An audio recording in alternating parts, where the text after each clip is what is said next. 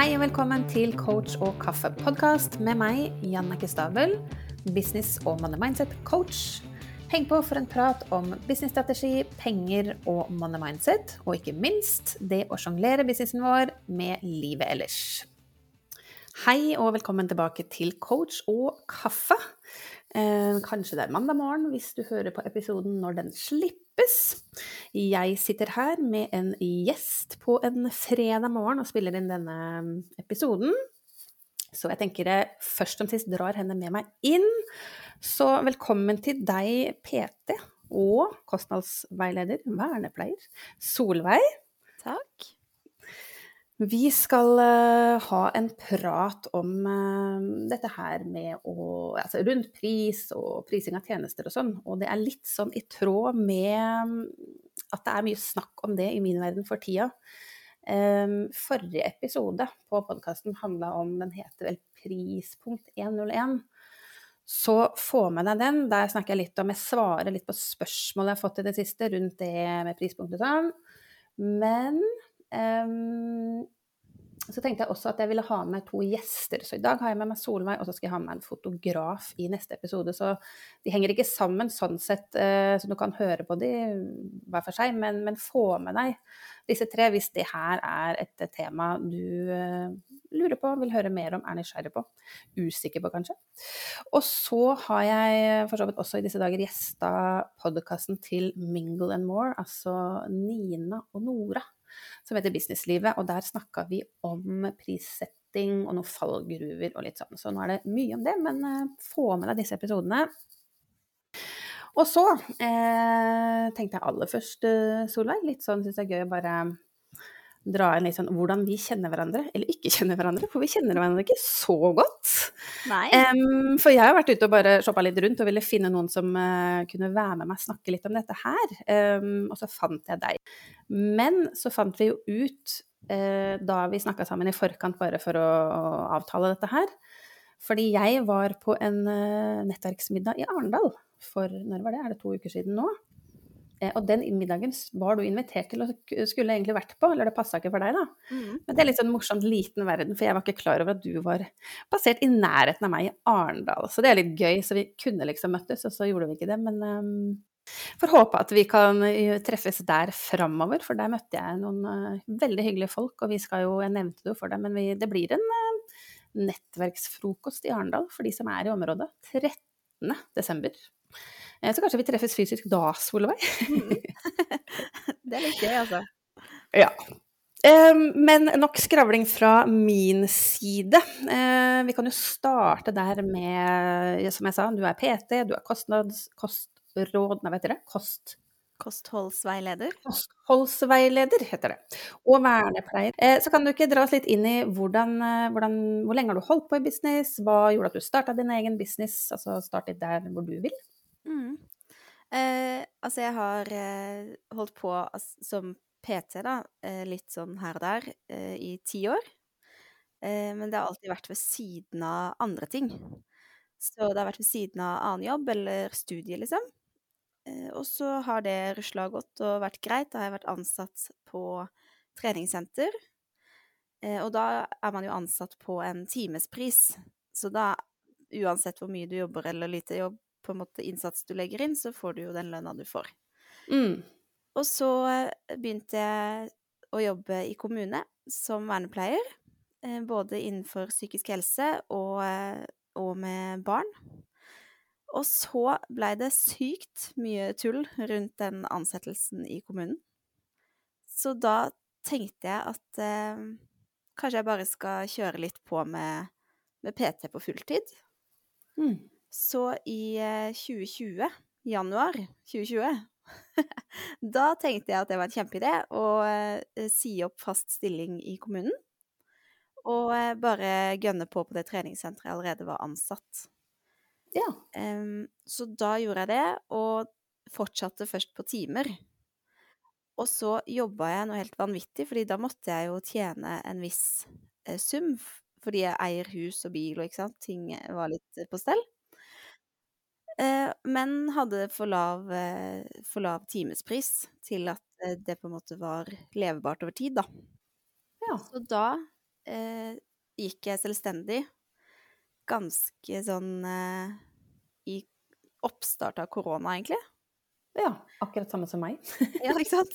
Eh, men så blei det jo Det er jo, var jo veldig bra at koronapandemien kom, fordi jeg hadde jobba beinhardt, så jeg trengte egentlig en Mm. Og så var det jo flaks at ikke jeg hadde starta ordentlig opp, sånn at eh, når det begynte å lande litt, og man kunne gjøre litt, eh, litt mer enn å bare sitte inne, så eh, lot jeg kreativiteten blomstre litt. Og så hadde jeg litt treninger her og der, og fortsatte litt med de kundene mine som ønska å trene ute, blant annet. Ja.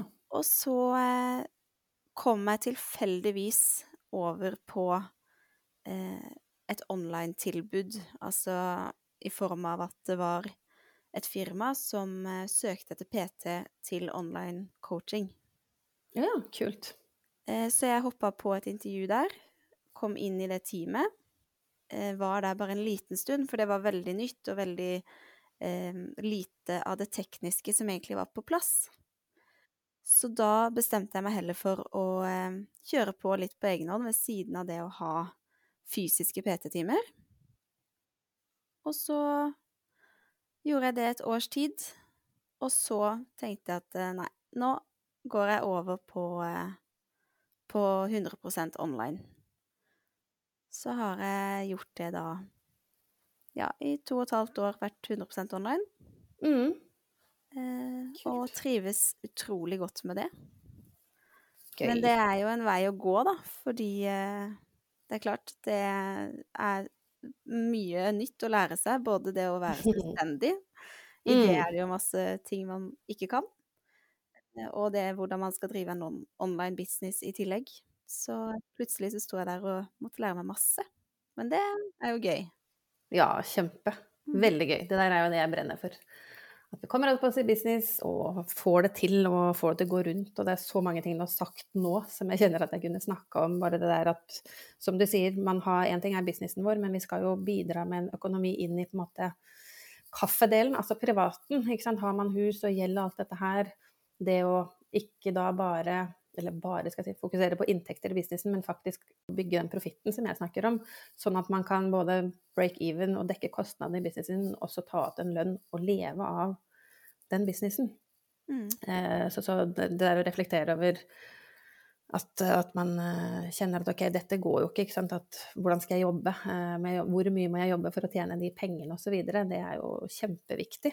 Men ok, eh, litt sånn inn i det altså Jeg syns det er gøy å høre også da når du starta for deg selv. Eh, som du sa, det er mye å sette seg inn i og sånn, og, jeg snakker mye om dette med penger og ta seg betalt og sånn. Husker du tilbake? Åssen var det? Hadde du noen tanker rundt det, bevisste tanker rundt det å skulle ta seg betalt sånn på egen hånd, holdt jeg på å si, eller ja, tanker generelt rundt penger, eller syntes det var komfortabelt, ukomfortabelt? Hvor i verden var du da? Altså sånn rundt det? Eh, jeg var em, Altså, i forhold til å ta seg betalt for tjeneste og sånn, så hadde jeg jo mye erfaring fra før, fordi at jeg hadde jobba som PT på gulvet lenge, da. Eh, og jeg visste litt sånn hvor landet lå, hvor, hvilke forventninger på en måte kunne jeg ha til prissetting. For tidligere så hadde jeg hatt en ganske lav pris, em, fordi det treningssenteret jeg jobba på, hadde bestemt prisene. Og så bestemte jeg de sjøl, og da så jeg jo litt rundt da på, på andre senter hva PT-ene tok, og i forhold til erfaring og mye sånn. Så når det kom til liksom fysiske timer, så syns jeg ikke det var noe problem å, å ta den prisen som jeg tenkte at jeg var verdt, da. Og mine tjenester. Men så syns jeg jo det var noe helt annet når jeg skulle begynne 100% online. For da var jeg veldig usikker på både forventningene på en måte ut i forhold til hva det skal koste, og hva de på en måte skulle få, da. Ikke Eh, sant? Så der kjente jeg at eh, det var en utfordring, og så begynte jeg veldig lavt. Mm. Og det som jeg erfarte da, det var at eh, de kundene jeg fikk, de var ikke så motivert, egentlig.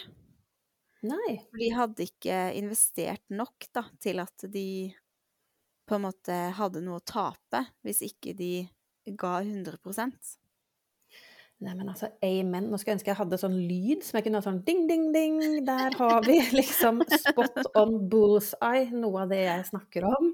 Som er et så viktig poeng. At, eh, så det er gøy at du snakker om det å ha den erfaringen, fordi ja.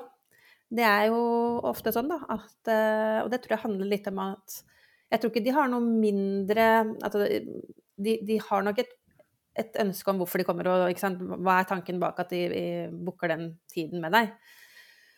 Men hvis du ikke har liksom, bestemt deg for å gjøre den prioriteringen, for hvis du bestemmer deg for det og virkelig er høyt oppe og motivert for å løse det problemet, så hjelp, altså da, da, da, er du villig til å legge de pengene på bordet for å gjøre det. Og hvis ikke, hvis du på en måte skal prute på den prisen, jeg vil ha en kjempevektreduksjon, eller jeg vil ha en livsstilsendring, eller alt dette her du kan hjelpe med i bakgrunn av du, altså din kompetanse, alt dette her, så, så, blir det ikke en prioritet, rett og slett. Og da, ja, da er det litt med motivasjon, eh, fordi det er jo en mm. jobb som skal gjøres der. Og den jobben, du kan hjelpe dem med verktøyene, men du kan jo ikke gjøre jobben, så, så de må møte opp og gjøre innsatsen. Ja. Og, og det merka jeg jo sjøl også at liksom Det gikk jo veldig mye utover min motivasjon òg. For det er klart at når du har noen som de gjør ikke det de skal, og man har brukt tid på å lage alle kostholdsplaner og treningsplaner og tilrettelagt alt for at de skal lykkes, ja. og sjekker inn med de hver uke og liksom er så på, og så får du veldig lite igjen, både med at kanskje de avlyser avtaler, og at, um, at de sine resultater ikke kommer fordi at de ikke følger planene, da. Mm. Så blir det jo litt sånn at OK, skal jeg gidde å legge så mye innsats i en kostholdsplan, for eksempel, for de bruker noe likevel, eller sånn. Og det er ikke så, så gøy, spesielt når det er eh, noe jeg i hvert fall syns egentlig er veldig givende, da. Mm. Og det kan jeg kjenne meg så godt igjen i, og jeg tror det er fellesnevneren egentlig for alle som driver sånn som oss. Fordi ja, du har fått pengene inn på konto for deg, så du har fått betalt, men det handler jo aldri om det til syvende og sist. Ikke sant? Fordi at du brenner for få, at kundene dine får resultater. Eh, det samme gjør jeg, og det tenkte jeg litt på i forbindelse med jeg sto i dusjen i dag tidlig. Eh, litt sånn forberedelse bare oppi hodet mitt. Litt sånn OK, min erfaring, som du sier det der, å, å gå på treningssenter. Jeg har hatt PT, jeg tror eh, tre-fire ganger. Eh, og så har jeg Så det å liksom kjøpe kanskje ti timer i et sånt klippekort, for eksempel, Eh, kan jo være ok for eksempel bli kjent eh, med en PT, hvis du tenker at man skal begynne å jobbe lenger, sånn som man kan gjøre med deg antagelig. Vi kan jo snakke om det litt i, i forlengelse av dette her. Men, men det å, å liksom hva, hva, er grunnen til at du kommer inn? Um, så forskjellen på Altså ja, da har jeg kanskje gjort det standalone, eller hatt, hatt et løpende abonnement. Um, og jeg tenkte på det, det bare tenk, slo meg i stad, den der businessmodellen hvor et treningssenter hadde vært morsomt å tatt, og dette vet jo treningssentrene, gått inn og sett hvor mange, altså hvor stor medlemsmasse har du, og hvor mange har prosentvis da har ikke trent de siste tre måneder, vært innom senteret og logga seg inn, altså klikka seg inn i senteret en gang, de siste tre til seks månedene f.eks. De har jo tall på det, og jeg kjenner at helt sånn etisk så tenker jeg at hvis de burde hatt en sånn warning. Denne personen har ikke vært her på seks måneder. Send i en mail. Skal du komme og trene, eller skal du si opp det abonnementet? De gjør jo ikke det. Ikke sant? Antagelig. Men jeg bare kjenner sånn det, Og det, tenk bare for vår egen del, og hatt en hel haug med kunder som, du, som, har betalt deg penger, og så bare kommer de aldri. Mm. Liksom å ha det som en businessmodell, det, det, er jo det er ikke noe eh, Hva heter det Stolthet i det, fordi det hadde vært helt krise, liksom. At jeg hadde bare hatt en masse betalende kunder som aldri møtte opp. ja. altså, ikke, altså, det er jo helt sinnssykt, liksom. Å bare hatt et eller annet løpende, og så bare sitter jeg der da, dag ut og dag inn og bare Ja, pengene kommer hver måned. Nei, det er jo Ja. Så det, så det er interessant, um, egentlig, uh, ja, en veldig interessant problemstilling, det der. Men uh, kan du ikke snakke litt mer om, når du sier uh, altså online, som online coach, hva er det du gjør da, litt mer sånn spesifikt? Da jeg har forskjellige pakker, da. Eh, sånn at jeg følger opp kunder eh, på kosthold og trening. Eller bare på kosthold, eller bare på trening. Og så er det ulike tidsaspekt i, eh, i oppfølging, da. Og så er det veldig, veldig tett oppfølging. Så jeg snakker med kundene mine minimum én gang i uka. Og mange snakker jeg med flere ganger i uka. Ja. Og da er det oppfølging over video eh, fast én gang i uka, og så all kommunikasjon ellers går over eh, meldinger. Eh, og så har de alle planene sine ut i en app som jeg da får varsler på telefon når de har trent eller spist lunsjen sin, eller hva enn de har gjort. så da kan jeg også um, gi en liten eh, feedback på det, da. Ja. Så da Spennende. Ja, så de har liksom en uh, PT rett i lomma. Og det er helt topp. Mm. Ja, det er det. Og det er jo litt inn i det på en måte som er grunnen til at jeg ville ha deg med på denne podkasten her. Fordi jeg snakka litt om det der prise seg time for time. Eh, som jeg ser en del coacher der ute gjør. Jeg jobber mye med coacher, veiledere og den slags. Og det gir litt mening når en personlig trener gjør det. Har du, har du i det hele tatt nå sånn jobb ti timer med meg, eller er det, er det, er det bare de pakkene du jobber med nå?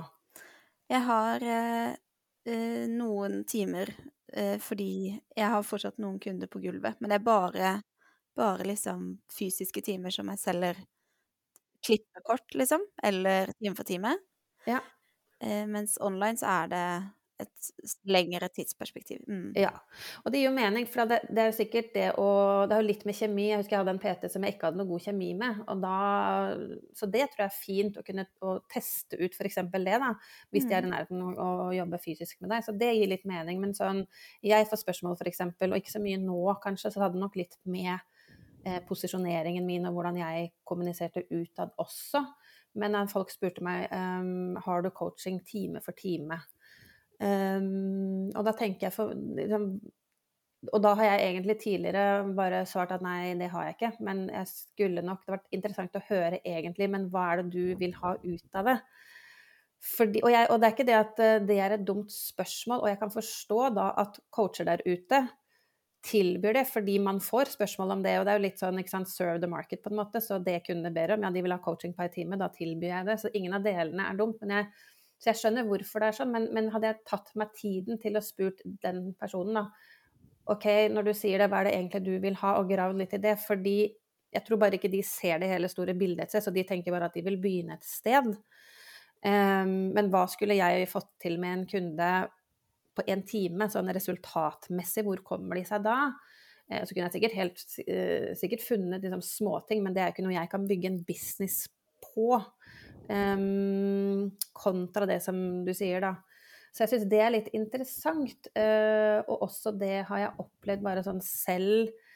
Uh, ei som skulle ha Hun tror jeg drev en sertifisering og skulle ha, sånn, altså, ha taktisk uh, erfaring. Så spurte om jeg kunne være med på det, og det syntes jeg var kjempespennende. Men så hadde vi bare avtalt tidspunkt. Um, og så sa han vil du co ha coaching på, på, på kaffedelen, da, for å snakke coach og kaffe, altså privaten, er det noe personlig, eller vil du snakke om en eller annen ting i businessen, så jeg skjønte ikke helt hva vi skal snakke om. Så hun sa bare ta med deg problemstillingen inn i coachingen, fordi at jeg kan på en måte løse Metodikken min kan gjøre at jeg løser hva enn du vil snakke om. Og da kjenner jeg bare å nei, det er så dumt, fordi du legger på en måte all hva skal jeg si, makta Eller kunden tar jo styringen. Du Mm. blir en allrounder og bare snakker litt om alt. Ikke sant? Så bare litt sånn til deg som hører på nå, som, som, som gjør det, kontra det som vi skal snakke om nå, som, jeg, som var en grunn til at jeg fikk med deg tilbake til det, at, at jeg så at du leder med en problemstilling, og prøver å snu om på det. Istedenfor at du leder med å selge på en måte per tid. Da. Og jeg ser liksom det der at noen sier du kan ha en coachingtime i 60 minutter eller 90 minutter, men hvordan skal kunden vite hvor lang tid de trenger for å få det resultatet de vil ha? Og med de jeg jobber med, og de du jobber med, altså det er jo ikke en quick fix på den problemstillingen. Eh, så det er liksom helt sånn kjernen av hvorfor jeg bare Når jeg så din profil, jeg bare så det, så tenkte jeg å, spot on, det her syns jeg er veldig gøy. Men jeg tenker jo um, Bare skyte inn, fordi ja, for all del. jeg tenker det at uh, ofte uh, grunnen for at folk er liksom der at uh, de etterspør timer, og ikke vil binde seg for en lengre periode, det tror jeg handler ikke nødvendigvis så mye om de er usikre på kjemi eller, eller hva de vil, men jeg tror de er usikre på på en måte Eller de er ikke klare for å ta den jobben det krever, da. Så det er mye lettere å backe ut hvis du har én og én time, framfor om du har bundet deg opp, ikke sant? Absolutt. Det, det, også, det er jo mange, mange, innfallsvinkler på det, og det er også spot on. De er ikke helt klare ennå. De trenger litt mer i den prosessen å komme dit og ta, og ta den beslutningen. Nå er jeg klar for mm. å, å, å, faktisk deale med det problemet. Mm. Og ta inn over seg da hva er det som skal til. Eh, så det er interessant. Men, eh, men, over i det, da. Vi kan jo snakke om Fordi at jeg så Altså, du har en, en vinterkampanje Eh, eller når jeg så det, i hvert fall, så søkte du etter jeg tror det var eh, fem stykker som skulle gå ned åtte til ti kilo eller noe sånt før jul. Mm. Eh, er, fortsatt, er, det, er, det, fortsatt ledige plasser der, forresten? ja, det er et par ledige plasser. Par ledige plasser, ja, gøy. Mm. Men det er så bra fordi Og da er vi inne på altså Jeg håper ikke at man tar det så bokstavelig, for tid der er jo et kjempe altså en pinpoint som er veldig bra, fordi det med en gang OK, gå ned så og så mange kilo innen et visst tid, sånn som nå, da vi er i oktober nå, slutten av oktober, før jul. Da snakker du istedenfor å snakke om tid, for alle vil jo på en måte komme i bedre form eller spise bedre, men det der du treffer så mye bedre når du leder med den problemstillingen. Det er så mm. veldig spesifikt. Og plutselig kan folk bare Istedenfor å litt sånn svevende bare Ja, skulle jeg gjort noe med det? Skulle jeg begynt å trene? Sånn bare Å ja, gå ned noen kilo, kilo før jul. Begynne å drømme seg inn i liksom julebordsesongen og liksom, nyttårsfest og ha det som motivasjon. Det er veldig gøy du sier akkurat det, fordi jeg fikk eh, melding eh, fra en her om dagen hvor hun sier liksom Hun refererer til det, og så sier hun dette vil jo jeg, for jeg har en veldig søt, sort kjole som hun gjerne skulle vært med på julebord. Mm. Jeg bare ja, perfekt. Ja. Da kjører vi på, liksom. For det, det, er akkurat det du kan oppnå, da. Eh, og da er de på vei. Helt klart. Ja, ikke sant. Det er jo det, da. Mm. Eh, det, men har du, har du, tenkt sånn helt fra begynnelsen av, var dette en måte å, å måtte ha en tjeneste på, eller har det kommet litt sånn over tid, eller hvordan har du kommet dit? Det har kommet over tid. Jeg er veldig sånn eh, Hva skal man si? Eh, happy go lucky-type. Mm. Så for eksempel bare det å begynne en business og starte for meg sjøl, det var bare noe jeg bare hoppa ut i. Tenkte liksom ikke at det kunne være litt skummelt. Nei. Og hadde heller ingen strategi for hvordan jeg skulle lykkes med det. Nei. Eh, det er veldig typisk meg. Ja. Eh, men så kom Det dukker jo opp ting, ikke sant. Så jeg prøver og feiler. Eh, det går bra fordi Jeg tror kanskje det går bra fordi at jeg ikke har en plan. Mm. Så jeg blir ikke stressa hvis ikke det går etter planen. Nei. Eh, anbefaler ikke å ikke ha noe plan, også, bare så det er sagt. Eh, og så eh, har det på en måte gått seg litt til underveis, og så har jeg fått litt eh, coaching i forhold til business, eh, og litt i markedsføringsdelen, og det har fått litt eh, hjelp der. Og så har vi på en måte På den måten så har jeg landa litt mer inn på den type vinkling, da, av problemstilling og markedsføring. Ja, kult. Mm. Det, og jeg kjenner meg så godt igjen i det. Å hoppe i det. Eh, det er jo det jeg gjorde også. Og, det å investere i seg selv. Jeg har også investert i business coacher for å få hjelp og ja, få den veiledning av noen som har gått opp den veien før en.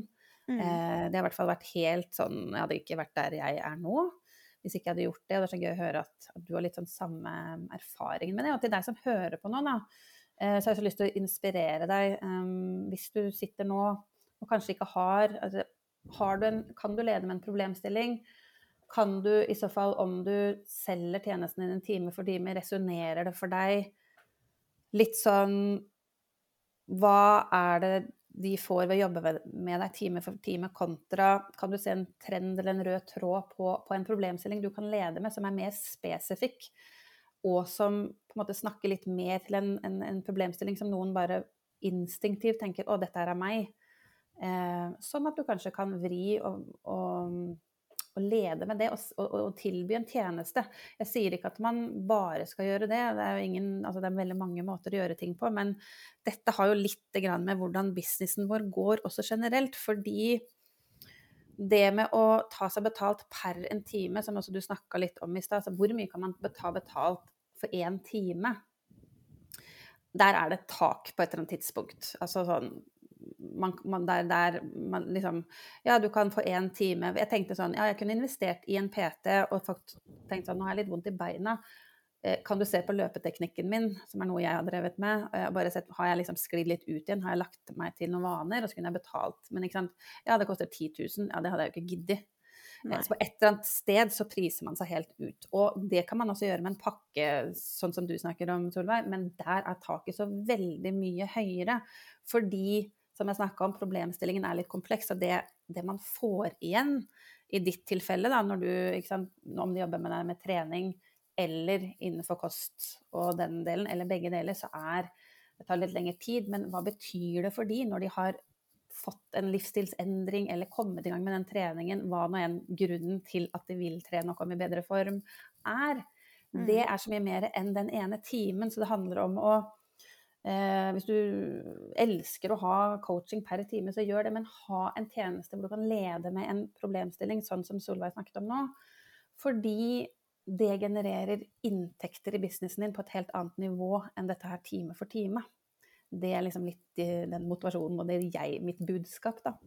Men, men så, så dette er veldig spesifikt før jul. Det er på en måte en, en, slags container som er litt satt. Men når du snakker om hva er mer tidsperspektivet på de andre løsningene dine? Er det noe tidsperspektiv? Jobber de med deg over lengre tid, eller? Jepp. Da eh, ligger vi på tre, seks eller tolv måneder tre, seks eller tolv måneder. Ja, ikke sant? Mm. Um, så da, da, er det litt variasjoner der, så det er jo interessant. Uh, så det går an å ikke sant, man, noen, det, er så, det, er så, morsomt det der, fordi noen sier nei, du må bare ha én tjeneste. Har jeg hørt business coacher si. Du må ha én tjeneste, så må du selge den. Bare den. Uh, og da har jeg blitt litt sånn, det var litt av det jeg har kjent på helt fra jeg starta min business, at det er så sterke stemmer der ute som for at de antagelig gjør det og har suksess med det, men man kan gjøre det på så mange måter. Og det er gøy å høre at du har selvfølgelig ulike typer tjenester. At det faller helt naturlig, f.eks. For, for en personlig trener. Eh, og så er det morsomt at du har den miksen at de enten kan trene på en trenings, eller jobbe med deg treningsretta eller kostholdsretta, eller begge deler. Mm. Eh, for det er som regel ikke one size fits all, så, så det er veldig morsomt. Men um, en annen ting jeg da har lyst til å snakke om, som, um, som da For jeg ser jo da jeg gikk inn og kikka på denne vinterkampanjen din, eh, og nå har du plasser igjen, så hvis noen vil gå ned noen kilo før jul, hiv dere på. Du skal få si hvor, hvor de treffer deg etterpå. Men, men, det å kjøre en salgssamtale, eller en, av, altså en samtale, kall det hva du vil, kontra å på en måte sende de rett til en salgsside. Der har jeg en litt sånn snakke med kunder og potensielle kunder, og jeg opplever litt sånn utfordringer der. For jeg tror noen har kanskje prøvd å kjøre salgssamtaler, og så sklir de veldig ut i tid. Eh, eller de opplever at noen er veldig engasjert og vil på, men så kommer de igjen på slutten, og så har de ikke penger. Så de, sånn, de er litt ukomfortable med det. Eh, så hva, er, hva har din erfaring med det å Har du vært komfortabel med det hele tiden? Har det vært noe som du syns har gått seg bedre til med tiden, eller hvordan, hvordan er det for deg? Det Altså, jeg syns ikke det har vært så veldig ukomfortabelt. Det jeg syntes var ukomfortabelt, var at det var over video og ikke face to face, liksom. Ja. Um, for, for, jeg har jo, i og med at jeg har så lang erfaring fra um, treningssenterbransjen, så har jeg jo på en måte erfaring med å snakke med folk og selge på gulvet, liksom, over disk. Men, uh, men det som er litt viktig når du skal ha en samtale, er i hvert fall min erfaring, mm. det er ikke si at det er en salgssamtale. Nei. Kalle det noe annet. For da, med en gang en kunde hører salg, da er garden oppe. Så det er bare sånn nummer én no go. Mm. Og så eh, informere liksom fra start at nå har vi satt av 30 minutter. Eh, fortelle agenda, eh, og så på en måte eh, lytte til, til, kunden, da, og bare ha det som en vanlig samtale. Mm. Da tror jeg også man sjøl blir litt mer komfortabel. Fordi du, du, sitter ikke der og tenker 'oi, nå må jeg pitche, nå må jeg selge, nå må jeg, nå må jeg si det og det fordi at eh, jeg må få salg her', liksom. Mm.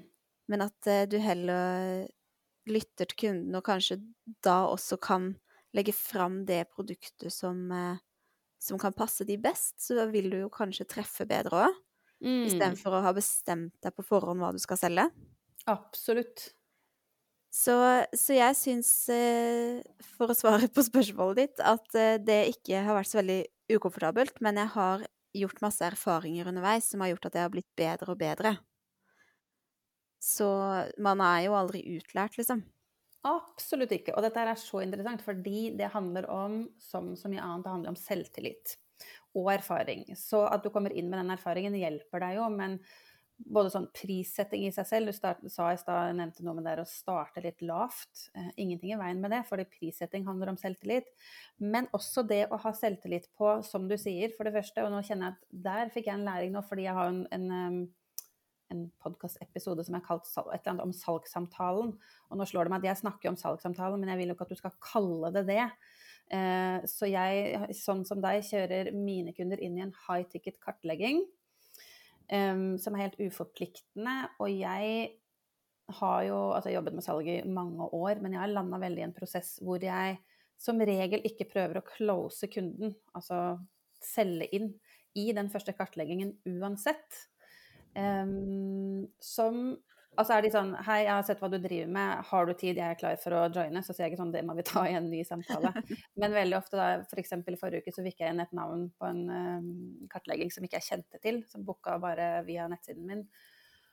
Og så kommer vi inn der, og da når jeg ikke kjenner vedkommende, så er det som du sier, for meg da så er det en ren prosess i kartleggingsarbeidet. Ha en samtale og bare 30 minutter finne ut av stille de spørsmålene for å finne er de motivert nok, er timingen bra, eh, osv. Som gjør Og da er det jo litt sånn at eh, For hun var sånn Ja, men hva er det du kan hjelpe meg med? Eh, var veldig på sånn, ville vite det. Og så sa jeg vet du hva, nå har jeg skjønt at at eh, jeg er villig til å ta deg videre til neste steg, som er inn i den salgssamtalen. Jeg sier jo ikke det, nå skal jeg ta deg inn i en salgssamtale. Absolutt ikke. Men jeg sier vi tar ytterligere en samtale.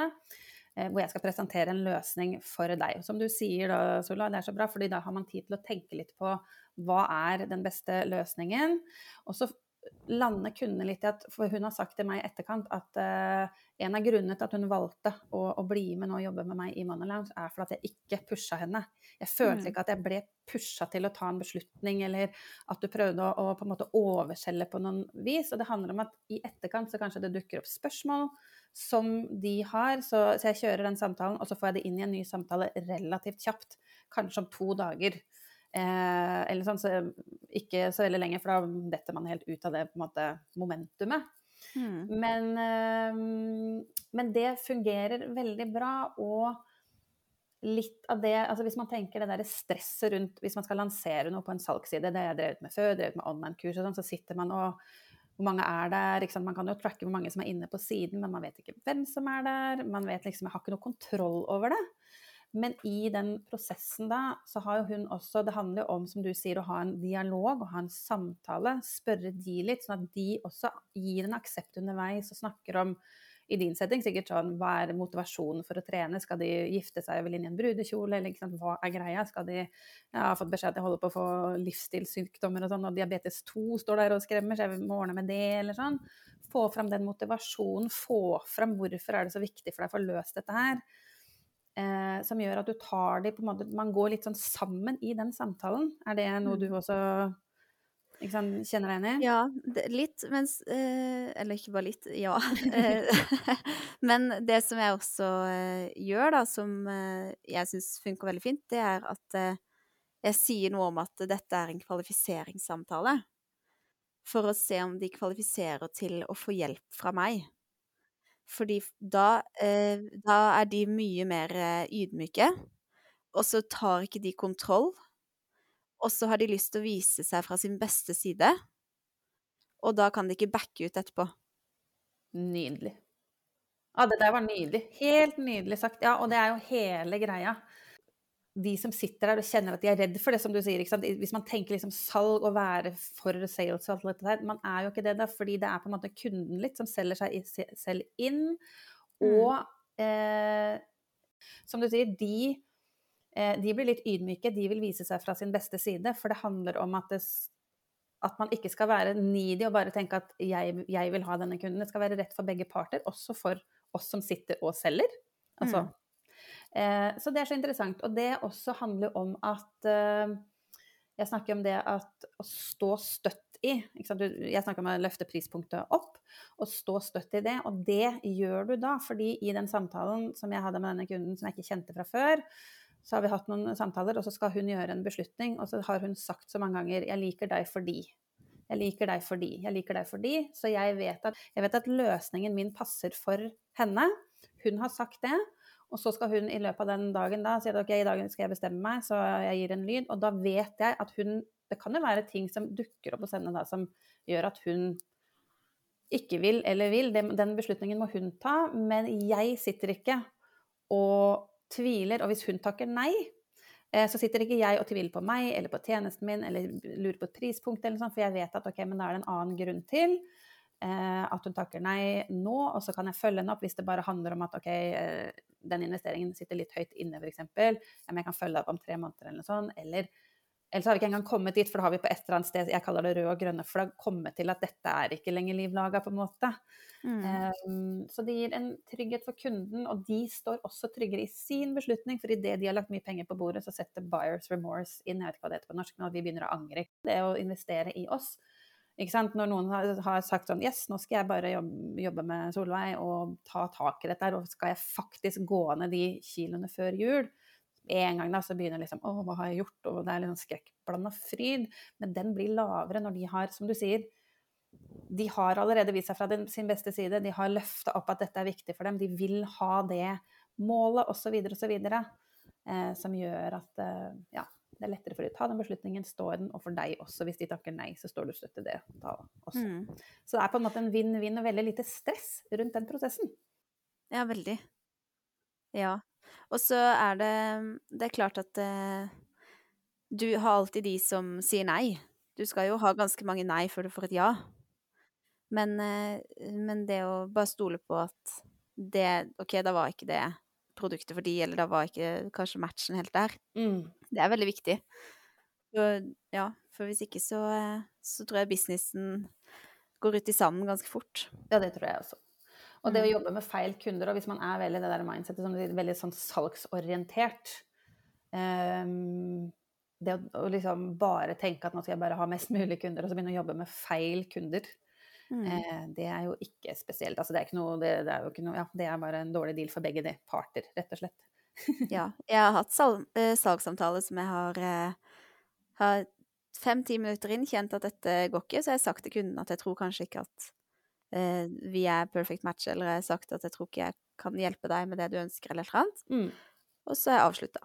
Og så har jeg hatt kjempegod følelse etterpå. Selv om jeg kanskje Altså, det kan godt være den kunden hadde vært rett på og sagt ja, uh, og jeg, det hadde blitt et en close med en gang, men uh, det er det ikke verdt når du kjenner at det er et eller annet her som ikke, som ikke matcher, da. Mm. Det er litt interessant, men der tror jeg jo eh, ha, altså, Har det litt med erfaring å gjøre, og det å tørre å gjøre det fordi eller liksom tørre å gjøre det, men det tror jeg kan komme på noen, da. Og liksom personlighetstyper. Jeg er opptatt av det, hvordan er man som person også, så noen er kanskje mer sånn at de bare vil hjelpe, og, og det å kjenne og tørre å stå i å si nei. Eh, har det vært noe som har endra seg for deg over tid, eller har du vært liksom veldig stø i det fra dag én, eller? Nei, det har endra seg over tid. Ja. Eh, men så har jeg òg Ja, jeg tror jeg evner ganske godt det å lese mennesker, da. ja. Eh, så det gjør det jo også litt lettere for meg, Mm. på en måte. Ja, og det går kanskje litt sånn hånd i hånd at etter hvert som du jobber nå, ikke sant, har vært flere år jobba med flere og flere kunder, så ser man jo etter hvert igjen kanskje liksom hva er signalene, eller disse røde og grønne flaggene som jeg snakker om, at når er det man plukker opp at ok, men dette er, ikke, er på en måte ikke rett. Og det jeg tenker da, og for alt dette her er jo ting jeg lærer bort til eh, de som jobber med meg, så de som er litt usikre på denne delen, kan få hjelp til det. Og da handler det om å på en måte eh, noen ganger bare ha en jeg kaller det en exit-strategi. Hvor du kan sende de til kanskje du har en freebie eller har et eller annet, eller en eller annen guide de kan laste ned, eller en video de kan se, sånn at de får litt verdi ut av den samtalen. Eh, selv om du At man kommer dit at 'jeg tror ikke dette er riktig match', liksom. Mm. Eh, da, hvis man kjenner at det kan være en enklere, eller at det føles bedre at man liksom eh, Og det kan være timing òg. Noen ganger så er det på en måte ikke rett energi, men noen ganger er det bare at man skjønner at her er det et eller annet du må gjøre, kanskje før du er klar for sånn og sånn og sånn. Eh, eksempelvis da hun som jeg snakket om nå, som altså jeg har tatt inn ei som ikke er i business, og da hadde det vært veldig stor forskjell på, som du sier, det å starte en business. Jeg var veldig sånn mm, på alerten. Skal jeg ta inn en som ikke er i business ennå, men så har hun holdt på i tre år og deler informasjon, eh, har en god følgeskare, har et e-postsystem, har, har mange ting. Hvis man hadde vært sånn å, jeg er gira på å starte en business, men har ingenting, så kunne jeg ikke tatt de inn i Money Lounge, fordi det er så mange andre ting som må på plass. Så da kunne jeg sagt eh, vet du hva, da kan du følge den og den, og bare begynne å jobbe med å få til et eller annet det du trenger, før du kanskje skal gå inn og gjøre en investering med meg, da. Mm. Så det er mange, mange vinklinger og mange ja, innfallsvinkler og, sånn, men uh, mange grunner til at det kan være rett eller ikke rett. Mm, absolutt. Så veldig spennende, men uh, så jeg kjenner at vi begynner å nærme oss uh, slutten her. Det har vært en veldig fin samtale og gøy å høre din erfaring inn i å drive business, Solveig. Men, men, litt sånn da, jeg skjønte du sa at du hadde noen plasser igjen på denne vinterkampanjen, men litt sånn andre ting. Og hvis de bare er nysgjerrig på ja, lære mer om tjenestene dine eh, og jobbe med deg og sånn, hvor, hvor, finner de deg? da er det bare å gå inn på Instagram på eh, PT-Solveig.